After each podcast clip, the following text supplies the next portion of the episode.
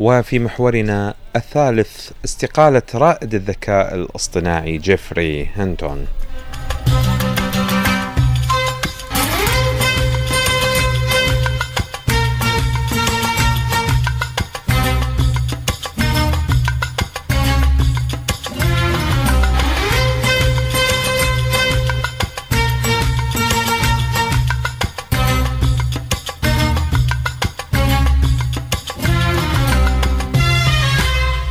طبعا الذكاء الاصطناعي اليوم آه، كما قلنا يوميا آه، يكشف عنه شيء جديد. هذه المرة المخاوف التي أبداها جيفري هنتون اللي هو رائد الذكاء الاصطناعي في هذا المجال واستقالته تأتي لكي يستطيع أن يعبر بحرية عما يحصل اليوم واحتمالية أن يسيطر الذكاء الاصطناعي على سوق العمل مستقبلا وأن يسرح آلاف بل ملايين الموظفين من وظائفهم.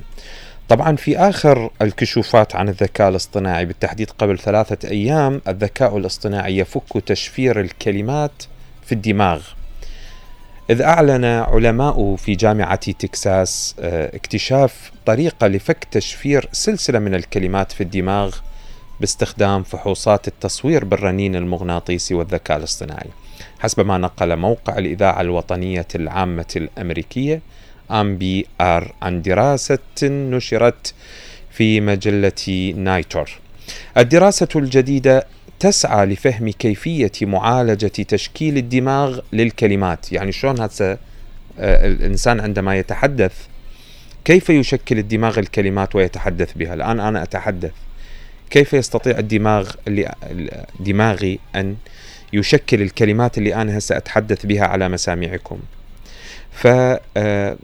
فالدراسة بينت أن الذكاء الاصطناعي قادر هاي النقطة أساسية على أن يعالج ويشكل يعالج عفوا كيفية تشكيل الكلمات داخل الدماغ. وقد أجريت هذه الدراسة على ثلاثة أشخاص قضى الباحثون مدة تصل إلى 16 ساعة مع كل منهم تحت ماسح التصوير بالرنين المغناطيسي الوظيفي والذي يكتشف علامات النشاط عبر الدماغ. النظام الجديد يعيد بناء جوهر ما يسمعه الشخص أو يتخيله بدلا من محاولة تكرار كل كلمة حيث تستكشف المستشعرات أي نشاط في مناطق الدماغ التي عادة ما تصدر الكلمات لأنه الكلمات ما تخرج من دماغ الإنسان بصورة اعتباطية. هنالك تشكيل هنالك معالجة هنالك process داخل الدماغ لكي يصدر الدماغ هذه الكلمات التي نتحدث بها كلنا يوميا مع البائع مع مع البي مع ال... في البيت مع الأولاد مع الزوجة مع الأم مع, مع الصديق مع أي إنسان عندما تتحدث فهنالك تشكيل للكلمات داخل الدماغ يسبق التحدث. ألكسندر هوث مؤلف الدراسة وأستاذ مساعد في علم الأعصاب صرح أن هذه التكنولوجيا عبر الذكاء الاصطناعي تصل إلى الأفكار الكامنة وراء الكلمات والدلالات والمعنى. يعني الذكاء الاصطناعي قادر على أنه يستشف ويصل إلى الأفكار وراء الكلمات. كيف تصدر الكلمات؟ والباحثون ذكروا في الدراسة أن هذه التكنولوجيا لا تستطيع قراءة العقول بل هي آه، تسبر أغوار العقول. وخلال التجارب احتوت بعض النسخ التي تم فك شفرتها على أخطاء لكن استطاع الذكاء الاصطناعي أن يبين كيف تشكلت الكلمات داخل الدماغ؟ يعني فك شفرة اللغة. وهذا من الممكن أن يساعد في المستقبل الأشخاص غير القادرين على التحدث بسبب إصابات في الدماغ أو بسبب إصابات في آه، آه، يعني إصابات آه، بأمراض يعني أخرى متعددة. إذا ما هي المخاوف التي أثارها جيفري هنتون من الذكاء الاصطناعي؟ اللي اليوم إحنا بصراحة نتسلى معه. نسأله أي سؤال وهو يجاوبنا ChatGPT أو غيره. تسأله أي سؤال وبعض الأحيان تمازحه وهو يجاوبك بشكل طبيعي لأنه عبارة عن روبوت آه، يستطيع أن يتعامل معك وفق المعلومة التي لديه وبكل حيوية تذكر. شهلة محمد ومزيد من التفاصيل. بعد عشر سنوات في خدمة جوجل استقال رائد الذكاء الاصطناعي جيفري هينتون من العملاق الأمريكي. موضحا إنه غادر للتحدث بحرية عن الذكاء الاصطناعي التوليدي وعن مخاطر أساسية للذكاء الاصطناعي. أدت المنافسة بين عمالقة التكنولوجيا الكبرى إلى تقدم لا يمكن لأحد أن يتخيله. وفقا لجيفري هينتون فقد تجاوزت السرعة التي يحدث بها التقدم توقعات العلماء ولم يؤمن سوى عدد قليل من الناس بفكرة أن هذه التكنولوجيا يمكن أن تصبح في الواقع أكثر ذكاء من البشر. وكنت شخصيا أعتقد أن ذلك لن يحدث إلا في غضون 30 إلى 50 سنة أو ربما أكثر. وبالطبع لم أعد الآن أعتقد ذلك. حتى العام الماضي لم يكن يعتبر هذا التقدم خطيرا.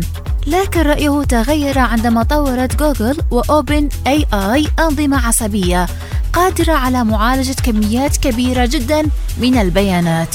التي يمكن أن تجعل هذه الأنظمة أكثر كفاءة من الدماغ البشري وبالتالي فهي خطيرة للغاية. من وجهة نظر اقتصادية يخشى الأب الروحي للذكاء الاصطناعي من أن هذه التكنولوجيا يمكن أن تعطل سوق العمل بشكل كبير حيث يقول الذكاء الاصطناعي يقضي على العمل الشاق مضيفا إنه يمكن أن يقضي على ما هو أكثر من ذلك بكثير مما يؤثر على المترجمين والمساعدين الشخصيين على وجه الخصوص فالقضاء على فرص العمل لن يسلم منها حتى الأكثر ذكاء حتى وإن اعتقد بعضهم أنهم في مأمن من ذلك.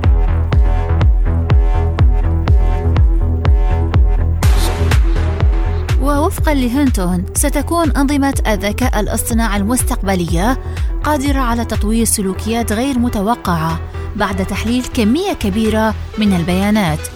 وقد أصبح هذا ممكنا لأن أنظمة الذكاء الاصطناعي تولد الكود الخاص بها وتوجهه مما قد يحولها إلى أسلحة مستقلة وروبوتات قاتلة.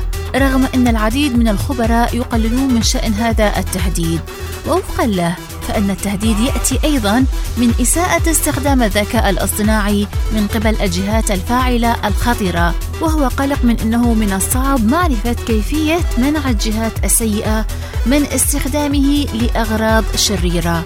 ويعارض هينتون بشكل خاص استخدام الذكاء الاصطناعي في المجال العسكري وهو يخشى أساسا من تطوير البشر للجنود الآليين.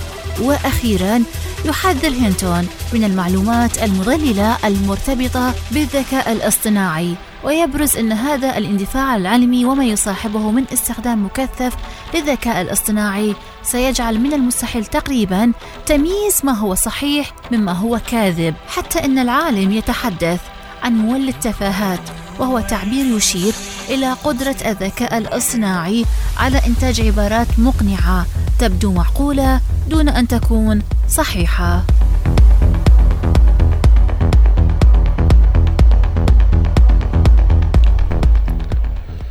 وهنا تكمن الخطورة حقيقة إذ حذر أو يحذر جيفري هنتون من أن المعلومات المضللة التي ترتبط بالذكاء الاصطناعي آه، من الممكن أن تكون متداولة وبشكل كبير يعني إحنا عندنا المعلومات المضللة أو الشائعات دائما ما تنتشر بالإنترنت لكن إذا انتشرت عبر الذكاء الاصطناعي مشكلة هي كبيرة أنه الروبوت هو الذي يتحدث معك.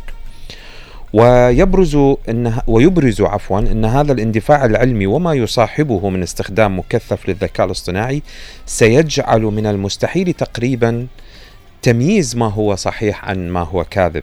وهذه مشكلة أيضا كبيرة. وكذلك المشكلة الأكبر الذكاء الاصطناعي لديه قدرة على أن يولد التفاهة وينتج عبارات مقنعة للآخر وتبدو معقولة دون أن تكون صحيحة. وهنا تكمن المشكلة الكبرى.